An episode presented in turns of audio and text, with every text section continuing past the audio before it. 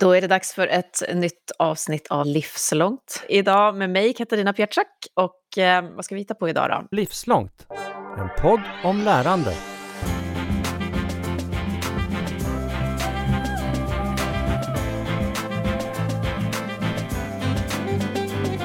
Jag har reflektioner kring ett ämne som ganska ofta just nu kommer i spel vad jag än gör. Eh, väldigt ofta när jag designar lärandeprocesser så är en av de första och största utmaningarna att eh, inkludera alla inblandade och att det faktiskt är vuxna vi har att göra med och inte barn eller unga i en skolbänk. Och alla vi vuxna som har gått i en skola eller utbildning eh, känner ju igen de metoder och den pedagogik som, som skolan har med sig. Eh, och nu när vi pratar om omställning och alla ska ombord och inkluderas i upskill och reskill och livslångt lärande och alla de här begreppen som vi pratar om så ofta, så finns det verkligen parametrar att titta extra på. Så därför har jag bjudit in en gäst den här veckan som faktiskt har Sveriges enda professur i just vuxenpedagogik. Hej Andreas Fejes! Hej! Det där kan man ju höja ett eller två ögonbryn kring att det är så, men jag är i alla fall jätteglad att du då med den enda professuren eh, är här. Hur, hur unik känner du dig med den? Ja, jo, jag är ju tyvärr unik, eller så, för att eh, Eh, Eh, trots att vi i Sverige har ett av världens eh, mest förmånliga och väl utbyggda utbildningssystem för vuxna så har våra universitet valt att eh, i stort sett ignorera väldigt många av de här sammanhangen där vuxna deltar i studier. Till skillnad från kollegor i Tyskland där man har 40-50 professurer och i Finland 10 professurer. Så att ja, det, jag är unik, det är väl kul, men det är också tråkigt att våra lärosäten eh, inte bryr sig om det här, de här utbildningskontexterna. Så att säga. Det blir ju lite en krock i hjärnan, för vi pratar just om vuxnas lärande så mycket idag. Eh, mm. Även om jag nu har det som mitt jobb så märker jag att det ändå sprider sig utanför de bubblorna. Alla ska lära, som jag sa. Hur, hur mm. får vi ihop det här? Varför ser det ut så här? Ja, nej, men jag tror att för det första kan man säga att det är klart det finns professorer och forskare som sysslar med vuxnas lärande i Sverige. Det ska vi ju säga för det första. och, och, och framförallt skulle jag säga att de befinner sig inom högre utbildning, medicinsk pedagogik eller universitetspedagogik, att man fokuserar på just universitetet som kontext. Eh, men tittar man på alla andra kontexter som ändå omsluter hundratusentals individer i Sverige som komvux med sina 400 000 elever som är fler än svensk gymnasieskola. Vi har eh, där SFI ingår då, vi har yrkeshögskolan, vi har eh, folkhögskolorna, studieförbundens verksamhet. Eh, de utbildningssammanhangen är väldigt dåligt beforskade i landet om man jämför med hur mycket forskning det finns om grundskola, gymnasieskola, högre utbildning för den delen också. Och jag tror det beror på flera saker. En sak tror jag handlar om att det inte är lika prestigefullt att syssla med forskning om de här utbildningssammanhangen. Det är, mm. det är mer prestigefullt att syssla med högskolepedagogik i så fall, eh, eller skola framförallt grundskola. Där det, så. Eh, det andra tror jag är också okunskap, ointresse hos våra lärosäten. Man vågar inte prioritera, man vågar inte satsa på de här typen av områden. Eh, för just man kanske inte ser, förstår hur stor omfattande det är. Mm. Så någonting sånt. Eh, och även okunskap hos kollegor inom de ämnesområden som skulle kunna tänkas beröra vuxnas lärande. Man, man hamnar i en skoldiskurs direkt. Så. Vi ska komma tillbaka till vad det då är, alltså det här som är så omfattande så, och vad det skiljer sig, hur det skiljer sig från pedagogik för barn och unga. Men berätta mer först vad som har fått dig till det här. Vem, vem är du och hur kommer det sig att du har drivkraften att ägna dig åt vuxnas lärande? att jag börjar med just vuxnas lärande är egentligen en slump, så mycket är i livet oftast, utan jag, jag läste till grundskollärare en gång i tiden eh, inom SO-ämnen eh, för att jobba på mellan och högstadiet. Och efter studierna som jag upplevde vara allt för simpla. Alltså jag var väldigt kritisk mot universitetet och hur lätt det var att läsa. Jag läste två, tre kurser samtidigt, alltså tripp, dubbel och trippelfart. Eh, så, så ville jag ha andra utmaningar så att då sökte jag olika forskarutbildningar och det var den, den här. Jag kom, jag kom in på en forskarutbildning i pedagogik med inkontinensens lärande, så på den vägen är det. Mm. Och då har du ägnat dig åt det här livslånga lärandet sedan dess. Hur, hur ja. definierar du det? Vad, vad, är livslångt lärande för dig? Ja, alltså jag, jag väljer att inte definiera det för att för, anledningen är ju att livslångt lärande är ett policybegrepp. Alltså det är ju någonting som, om man tittar på det analytiskt så är det ju en så kallad, kallad flytande signifikant eller floating signifier som folk fyller med vilket innehåll som helst. Jag menar, jag fick höra nyligen att KTH valt att kalla sina fristående kurser livslångt lärande. Eh, om det nu stämmer, det är ju helt, ursäkta mig, ganska absurt. För det blir ju som att man, man bara spelar policy-spelet och, och vill ligga i framkant i någon sorts policy-diskurs. Eh, allt, I så fall är väl även de vanliga utbildningarna livslångt lärande. Så, att, så jag, jag, jag, svarar inte på frågan utan det är mer en analytisk fråga. Vad, vad är det för innehåll som fylls i det här begreppet i olika historiska och kulturella praktiker? Det är väl där mm. delvis, delvis min forskning tidigare har handlat om. Och det är en av anledningarna till att vi startar den här podden. Och vi kommer ju ofta in på den här begreppsverkligheten eh, och hur man eh, använder den. För den är väldigt eh, signifikant idag, om man mm. säger så. Att många använder begreppen så. vi kommer tillbaka till den forskningen som du, som du har gjort tidigare. Men det här med vuxenpedagogik då, som, som vi började med som forskningsfält. Eh, andragogik, som det heter mm. då, att leda vuxna. Eh, vad behöver man tänka annorlunda i det fältet jämfört med då att leda barn, pedagogik? Ja, alltså jag brukar säga så här att, att jag brukar inte vilja göra en uppdelning i, alltså i olika strategier mellan barn och vuxna. Och den här diskussionen kring andragogik som, ja, det är ett jättegammalt begrepp, men det populariserades ju av Malcolm Knowles i USA på 70 och 80-talen. Eh, och fick en väldigt amerikansk tolkning av det hela som blev ganska normativa antaganden om vad det innebär att undervisa vuxna till skillnad från barn. Och jag, jag själv, utan att gå in på detaljer, eh, köper inte det resonemanget för att de, den, den dikotomiska uppdelningen som han gör stämmer inte helt enkelt. Han fick mycket kritik för det. Så jag brukar mer säga att det handlar inte så mycket om, alltså det är klart du kan kanske jobba lite olika metodologiskt med olika grupper. Men jag brukar säga att det viktigaste är väl att tänka på de förutsättningar som finns för lärande. Och de skiljer sig åt mellan barn och vuxna. Och då skiljer sig också åt mellan individer. Så det är väl där jag tycker forskning om vuxnas lärande för mig, det intressanta framför allt, det är ju att titta på vad det är för olika förutsättningar som finns och vilka hinder för deltagande, vilka system finns på plats för att underlätta vuxnas deltagande i studier. Ja, och det skiljer sig från barn som, jag menar, vuxna har ansvar för en familj, de ska försörja familjen, de har mer erfarenheter eh, än vad barn har. De har andra syften med utbildningen sannolikt än vad barnen har. Eh, och så vidare. Så det handlar mer om, om de aspekterna skulle jag säga. Mm. Nu började du gå in på dem då, men det här med hinder till exempel för, för vuxnas lärande är ju någonting som många brottas med idag. Mm. Och det är klart om du har en familj och du har annat att sköta, ett helt liv som du har ansvar för. Men vad, vad finns det mer om man då tittar på att försöka skapa lärande för vuxna som man behöver undanröja eller, eller i alla fall förstå för att mm. få folk ombord? Eh, ja, nej men alltså det finns ju, det är ju flera saker. Men de klassiska i den här forskningen, de pekar, men klassiska saker som pekas ut i hinder, men det handlar ju om att för det första, du måste ju ha möjlighet att delta eh, utifrån ekonomiska aspekter, så du måste ju ha någon sorts finansiering kring det hela. Eh, du måste underlätta att kunna kombinera studier med familjeliv, alltså eh, barnomsorg till exempel. Eh, det kanske handlar om att du, du vill nå grupper som, kanske som man anser behöver utbildning, eh, men som kanske inte vill delta i utbildning. Och då är frågan hur kan man jobba uppsökande? Alltså underlätta och informera, ge människor möjlighet att förstå vad det innebär att delta i studier. Eh, ja, det är några av de klassiska som, saker som kommer fram till exempel i att, att undanröja hinder så att säga för deltagande. Mm. Jag sitter i en del ganska svåra projekt som handlar om det arbetsplatsnära lärandet. Det som hör ihop med det här upskill, reskill-diskursen så att säga. Mm. Och där man pratar om hur, hur ska vi liksom få alla att motiveras av att konstant upskilla sig eller lära mm. nytt. Eh, vad tänker du om det? Ja, nej men alltså det är väl lite grann eh, det här med att konstant upskilla sig. Jag menar, det är ju en del av den här som jag då menar en ganska neoliberal eh, diskurs om livslångt lärande. Och jag menar inte neoliberal i någon sorts politisk ideolog, alltså partipolitiska aspekt, utan det som dominerar livslångt diskursen idag är ju väldigt mycket detta med att människor själva är ansvariga för att uppskilla sig. Det är deras ansvar, det vill säga lyckas du eller misslyckas är det ditt eget fel eller din egen alltså, förmåga eh, att lyckas. Alltså, ansvaret hamnar på individen och systemet eh, hamnar lite grann på sidan om. Till skillnad från 70-talet då det mer var, ska vi kalla det för en mer humanistiskt orienterad bild av att det här med att, att ge möjlighet för vuxna att uppskilla sig eller lära sig. Man pratar kanske inte om upskilling på den tiden, men eh, ja, vi har ett ganska markant skifte. Så, att jag, så jag vet inte om jag kan svara på din fråga, men jag tycker ändå det, den här stora förändringen lägger ett väldigt stort ansvar på individen. Och det, det kan man ju sen i sin tur analysera. Vad, vad får det för konsekvenser?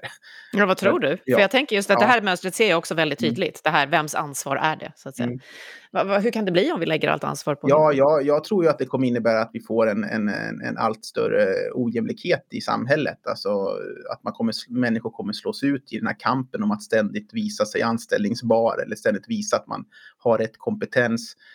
Eh, jag tror att det kommer innebära också på sikt eh, om, för, alltså om, om nya, alltså finansieringssätt som allt mer lägger det på individerna och på företagen än på samhället så att säga. Och, ja, en ny maktbalans helt enkelt på arbetsmarknaden och i, i samhället.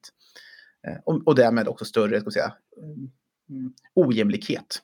För vi vet ju vilka det är som har resurserna att, att faktiskt ta det här ansvaret och vilka som inte har det. Det är ju ganska kartlagt i forskningen så att säga. Att det är en klassfråga i grunden eh, och social bakgrund och så vidare. Och då när vi är inne på eh, ojämlikhet så eh, är det så att du har ju tittat också på då vuxnas lärande som en inklusions, eh, mm. som ett verktyg för inklusion. Och ja. för att få med sig då också andra som kanske inte hade förutsättningarna från början eller som har kommit till vårt land och inte har gått igenom våra utbildningssystem och så. Mm. Eh, hur, hur verkningsfullt är det verktyget? Hur verkningsfullt är utbildning och lärande för att inkludera? Mm. Alltså vi, eh, vi har ju intresserat oss för att förstå olika vuxenutbildningssammanhang, alltså både folkhögskola, studieförbund, eh, kommunal vuxenutbildning, SFI. Eh, och försöka förstå hur de här utbildningssammanhangen, vad har de för betydelse för nyanlända? Alltså och personer som då är på bana på att förhoppningsvis kunna inkluderas i samhället. Och det här projektet har ju pågått nu några år och kommer fortsätta flera år till för vi har en longitudinell design. Så vi har ju intervjuat 174 nyanlända eh, ganska nära inpå, alltså 2016 där, efter flyktingrörelserna som skedde då.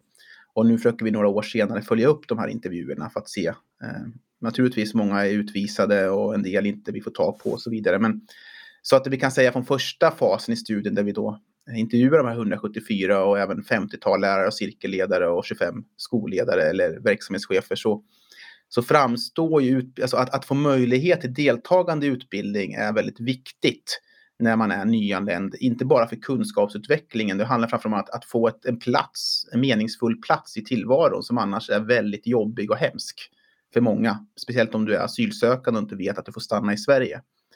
Eh, så det blir en viktig plats och där får ju då lärarna och cirkelledarna väldigt viktiga funktioner.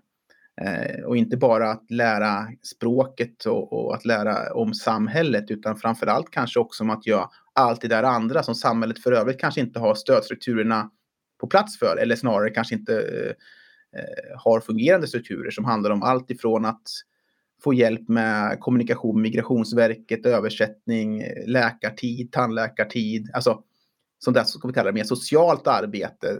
Det blir mycket fokus, framförallt för nyanlända asylsökande vuxna och studieförbunden i det här fallet då som framförallt framstår som en sån, sån jag säga, eh, kommunikationscentral. Även om man egentligen ska handla, även om det hela ska handla om språket och samhället egentligen så att säga. Ja, och där tänker jag att det är inte på en intressant fråga som ju också man hör om ofta kring barns lärande. Att ja, men, eh, utbildningsinstitutioner av olika slag eller sammanhang är väl där för att undervisa. Det är väl själva mm. kunskapen, det är väl själva lärandet. Jag ser ofta sådana lärardiskussioner på mm. olika sociala medieplattformar och så. Eh, och också i det här jag sa, att det är olika projekt som vi sitter i, så hör man ju att när, när man försöker sätta den typen av ja, syn på lärande och kunskap i händerna på vuxna så blir det mycket svårare, därför att vi har ett annat liv. Vad, vad är dina reflektioner kring kring det? Vad, vad är egentligen uppgiften och hur viktigt är allt det här runt omkring? Ja, alltså eh, fokus för utbildning är ju att man ska eh, lära, eh, hjälpa människor att lära sig saker så att säga. Men, men en förutsättning, återigen, då pratar vi om förutsättningar för att det här ska fungera så måste ju människor som deltar i utbildning ha massa andra behov tillfredsställda.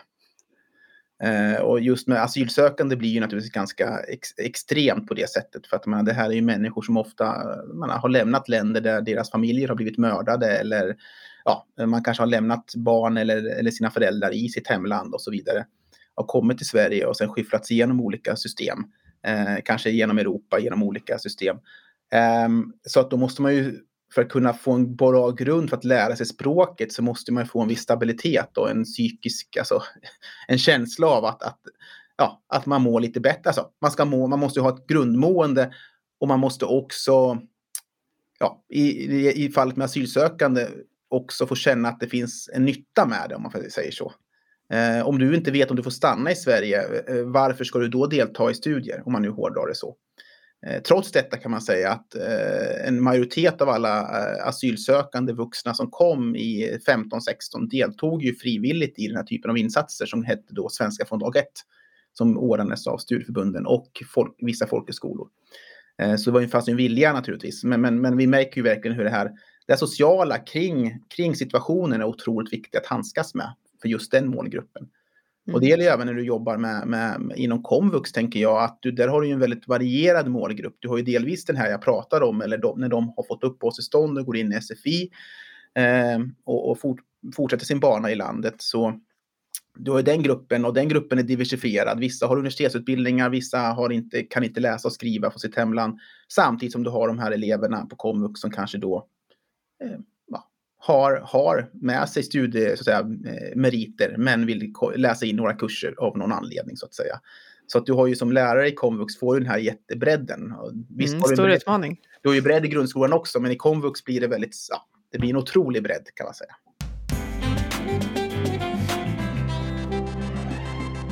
Du var inne på att det saknas en del strukturer då för att skapa den här bredden, eller ta sig an den här bredden och skapa inklusion i den. Så vad är det för strukturer du skulle vilja att vi hade på plats eller fler som skulle förstärka det här?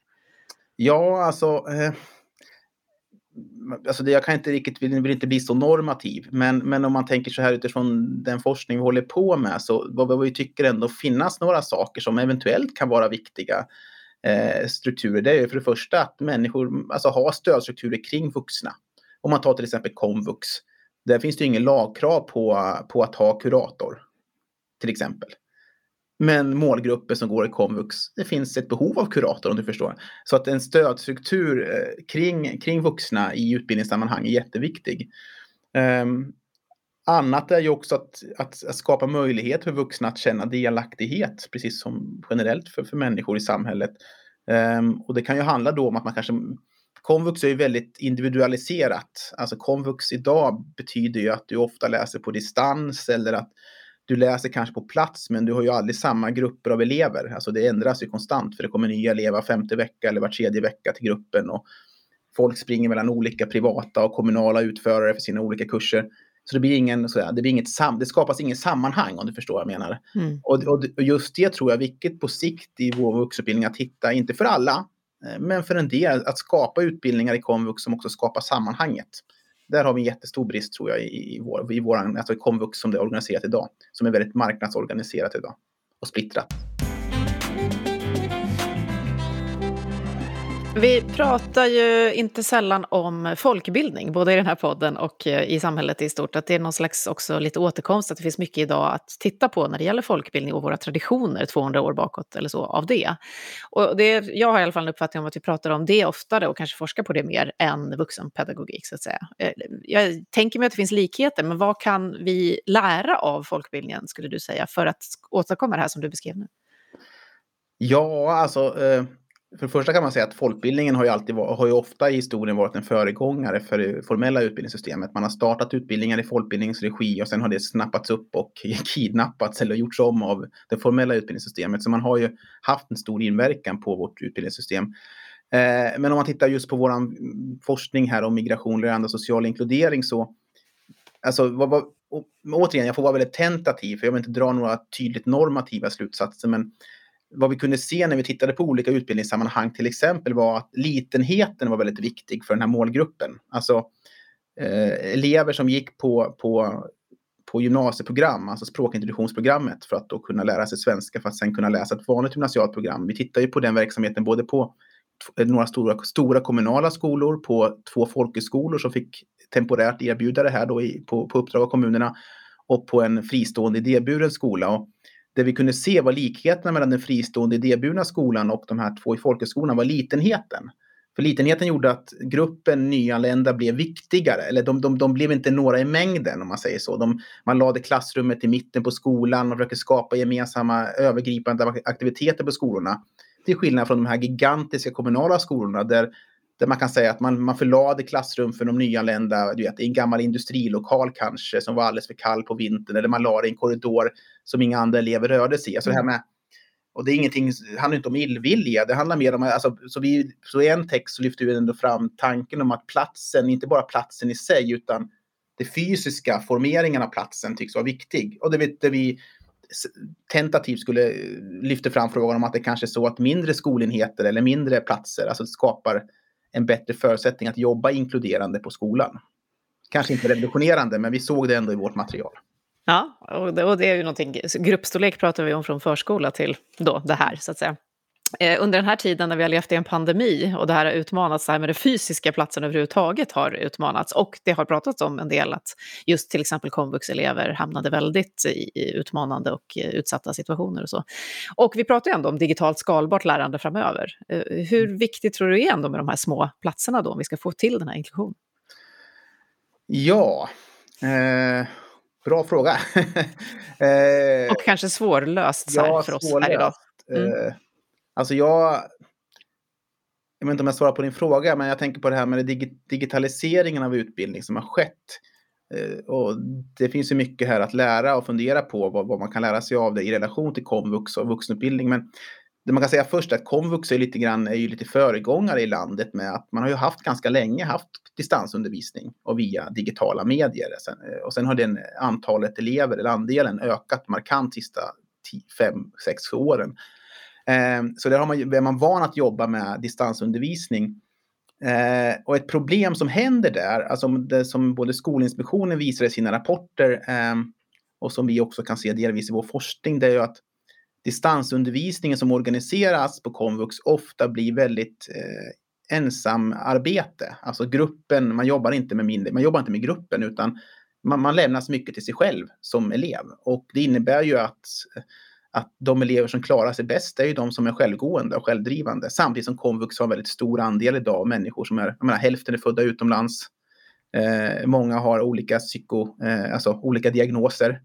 Eh, samtidigt som man ser att det pushas på med fler och fler som ska gå via distans. Så, så distansformen som det ser ut idag på ett väldigt övergripande plan tycks ha, eh, tycks, tycks inte bidrar till att skapa det här sammanhanget, den här gemenskapen som är så viktig även i, alltså i distansstudier. Alltså att, att skapa den här närheten mellan deltagarna och mellan läraren och deltagarna. Mm. Och det är verkligen en knäckfråga som vi, alla vi som jobbar med lärande och alla andra säkert också har kämpat med under den här pandemin, hur vi själva ska eh, hantera det. Eh, apropå det så skrattade jag högt när jag satt här och läste på lite om dig innan vi skulle eh, ses eh, åt en tweet, som, om du inte har en namn, är från dig, som handlade om Mello. Och när man ser ett helt lag av låtskrivare artister som ska berätta om hur djupa deras sånger är och de är många som har skrivit den. Och då skrev du så här, det är lika trovärdigt som när ett helt fotbollslag medicinare hävdar författarskap till en vetenskaplig artikel. Ja. Eh, skrattade jag högt åt. Vad fick dig att twittra det? Nej, jag tyckte det var lite, jag, jag, bara, jag tyckte det var, en, ja, det var en kul grej att tweeta. Det är alltid kul att skoja lite kring Melodifestivalen när man tittar på det.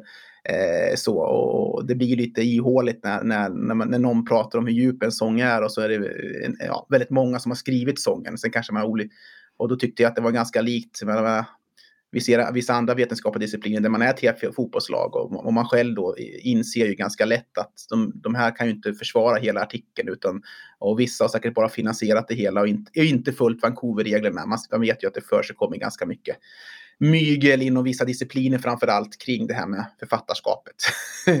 det, som det fick tänka kring, förutom det att jag tyckte det var roligt, det ja. var just det här kollaborativa mm, ihop med eller kontra mm. det individuella. Så. Mm. så när du jobbar med de här inkluderande frågorna, och du har varit inne på det lite, men, men hur viktigt är samarbete och kollaborativitet, även om det då inte är ett helt fotbollslag medicinare? Nej, eh, exakt. Eh, nej, men alltså, alltså det, alltså vi, är vi är ju alla människor olika och lär oss bra på olika sätt. Men, men, men på ett sätt, om man tittar på någonting som ändå finns starkt rotat i folkbildningen och inte minst folkhögskolans verksamhet, eh, men även studiecirklar naturligtvis. Men det är ju det här att, att individen lär sig genom det kollektiva. Alltså, det är du som ska lära dig, men du gör det tillsammans med andra. Genom att dela med sig av reflektioner, erfarenheter och, och diskutera sånt som man gemensamt läser eller kunskapsinnehåll. Eh, och det skapar en annan typ av samhörighet, tillhörighet och en annan möjlighet för lärare att jobba pedagogiskt. Och det är ju möjligt på folkhögskola på långa kurser som är en till tre terminer långa. På komvux är inte det möjligt när man har så uppsplittrad verksamhet som man har. Eh, men där tror jag man har mycket att lära i att, för det ser vi inte minst på de som deltar på folkhögskola, hur positiva de är kring detta och hur man pratar om hur, hur viktig den här typen av gemenskapen är för lärandet. Eh, så. Eh, Medan det på komvux i de studier vi genom, har genomfört och genomför så är det mycket mer individualistiskt tänkt. Man, man, alltså man är mer alltså, fokuserad på att jag ska ha betyget för att kunna gå vidare. Om du förstår. Alltså, fokus är mm. kanske inte lärandet alltid, utan betyget. Om man nu generaliserar väldigt mycket så att säga. Och, då, mm. och, och det här fokuset på betyget uppmuntras ju av komvuxorganisering idag. Alltså det, det, det uppmuntrar fokus på betyg snarare än på lärandet om man nu får väldigt generaliserande. Mm, det är någonting som man ibland som förälder kan vara lite desperat kring mm. när man ser barnen innan komvux, ja. alltså i grundskola och gymnasium, eh, hamna i det fokuset av olika skäl. Då. Men det du beskriver nu då eh, till sist, vad har vi att luta oss på i vår tradition? För vi anses ju ändå vara en väldigt folkbildande, mm. alltså vi har hållit på mycket med folkbildning i vårt och vi har också organiserat, precis som du sa i början, vi har haft mycket fokus på olika utbildningsformer för vuxna och olika, alla, det ska finnas en kurs för alla om man förenklar mm. det väldigt mycket så. Så vad, vad, kan vi ta med oss in för att bygga det här inkluderande, mer liksom, kontextbaserade lärandet och kunskapen och samhället? Mm. Nej, men jag tror ju för det första att menar, vi har en bra grund att stå på med så välutbyggt system för vuxnas deltagande i studier och förmånligt också i stor del jämfört med, med de flesta alla andra länder så att säga. Och jag tror vi ska värna den här traditionen vi har då av att ha en mångfald av olika insatser, typer av utbildningar. Att vi ska värna inte minst folkbildningens frihet. Att kunna organisera utbildningar på eget bevåg så att säga utan statlig inblandning och ändå få finansiering för det det skapar alternativ, kreativitet, nya former av utbildningar och så vidare. Eh, och, ja, och jag tror också om man ska bli lite alltså, kopplat till vår forskning, jag tror också att man samtidigt behöver se över den här säga, neoliberaliseringen av vårt utbildningssystem och, och eh, alltså fokus på individen och på, på individens egen bas, alltså det här mer egoistiska kanske är fel ord, men alltså, alltså det här med att ut, alltså utbildning är del av ett samhälle och individerna som läser utbildning är del av ett samhälle. Så vi måste också fundera på hur vi kan skapa den här, det gemensamma kittet genom utbildning. Eh, både, som är både bra för samhället tror jag på sikt, men också framförallt för lärandet. Eh, och då tror jag till exempel att komvux i sin extrema marknadsorganisering idag, där över hälften av deltagarna läser en kurs hos en privat anordnare, Eh, att där måste man se över eh, organiseringen eh, för att skapa en bättre helhet. Man kan inte splittra upp utbildningen på det sätt man gör. Det är bra naturligtvis för att få snabbt få igenom elever, men jag tror inte att det är bra för att få människor att lära sig saker och bli kunniga. Så hur, om du skulle bara kort beskriva din drömbild av ett lärande samhälle, vad, mm. vad, hur ser det ut? Ja, nej men, men det är lite grann som jag sagt att det finns olika möjligheter, alltså olika typer av utbildningsinstitutioner och sammanhang för människor att delta i utbildning. Eh, och jag tror också att, att utbildning bör, alltså samtalet om utbildning bör mer fokusera på människan, så att säga, inte bara anställningsbarhet och, och eget ansvar, utan också ett samtal om samhällets roll i utbildning, eh, deltagarens så att säga, möjligheter att tillsammans utveckla kunskap. Alltså, eh, ja, någonting mer kollektivt baserat. Eh, och jag, jag, tänker mig om jag bara får ett begrepp som har kommit in väldigt tydligt sista tiden, sista åren i svensk utbildningspolitik och i diskussion om livslångt lärande är ju kompetensförsörjning. Yes. Ja. Och, det, och det, alla pratar om kompetensförsörjning och det är ju, alltså det är ju, det är ju nästan det yttersta begreppet som sätter, sätter fast det här att vi, samhället ska bara fokusera på människors ansvar att vara anställningsbara. Arbetsmarknadens behov ska bara vara i fokus alla andra samtal försvinner. Och det, man ser även det på vilka som är representanter i regeringens olika expertgrupper kring det här. Det är ju inte så att det, ja, det är ju näringslivet. Så att jag tror att vi måste en återgång till det vi tar, tar, tar tillbaka kommandot över sam, det samhälleliga ansvaret kring utbildningssystemet för vuxna.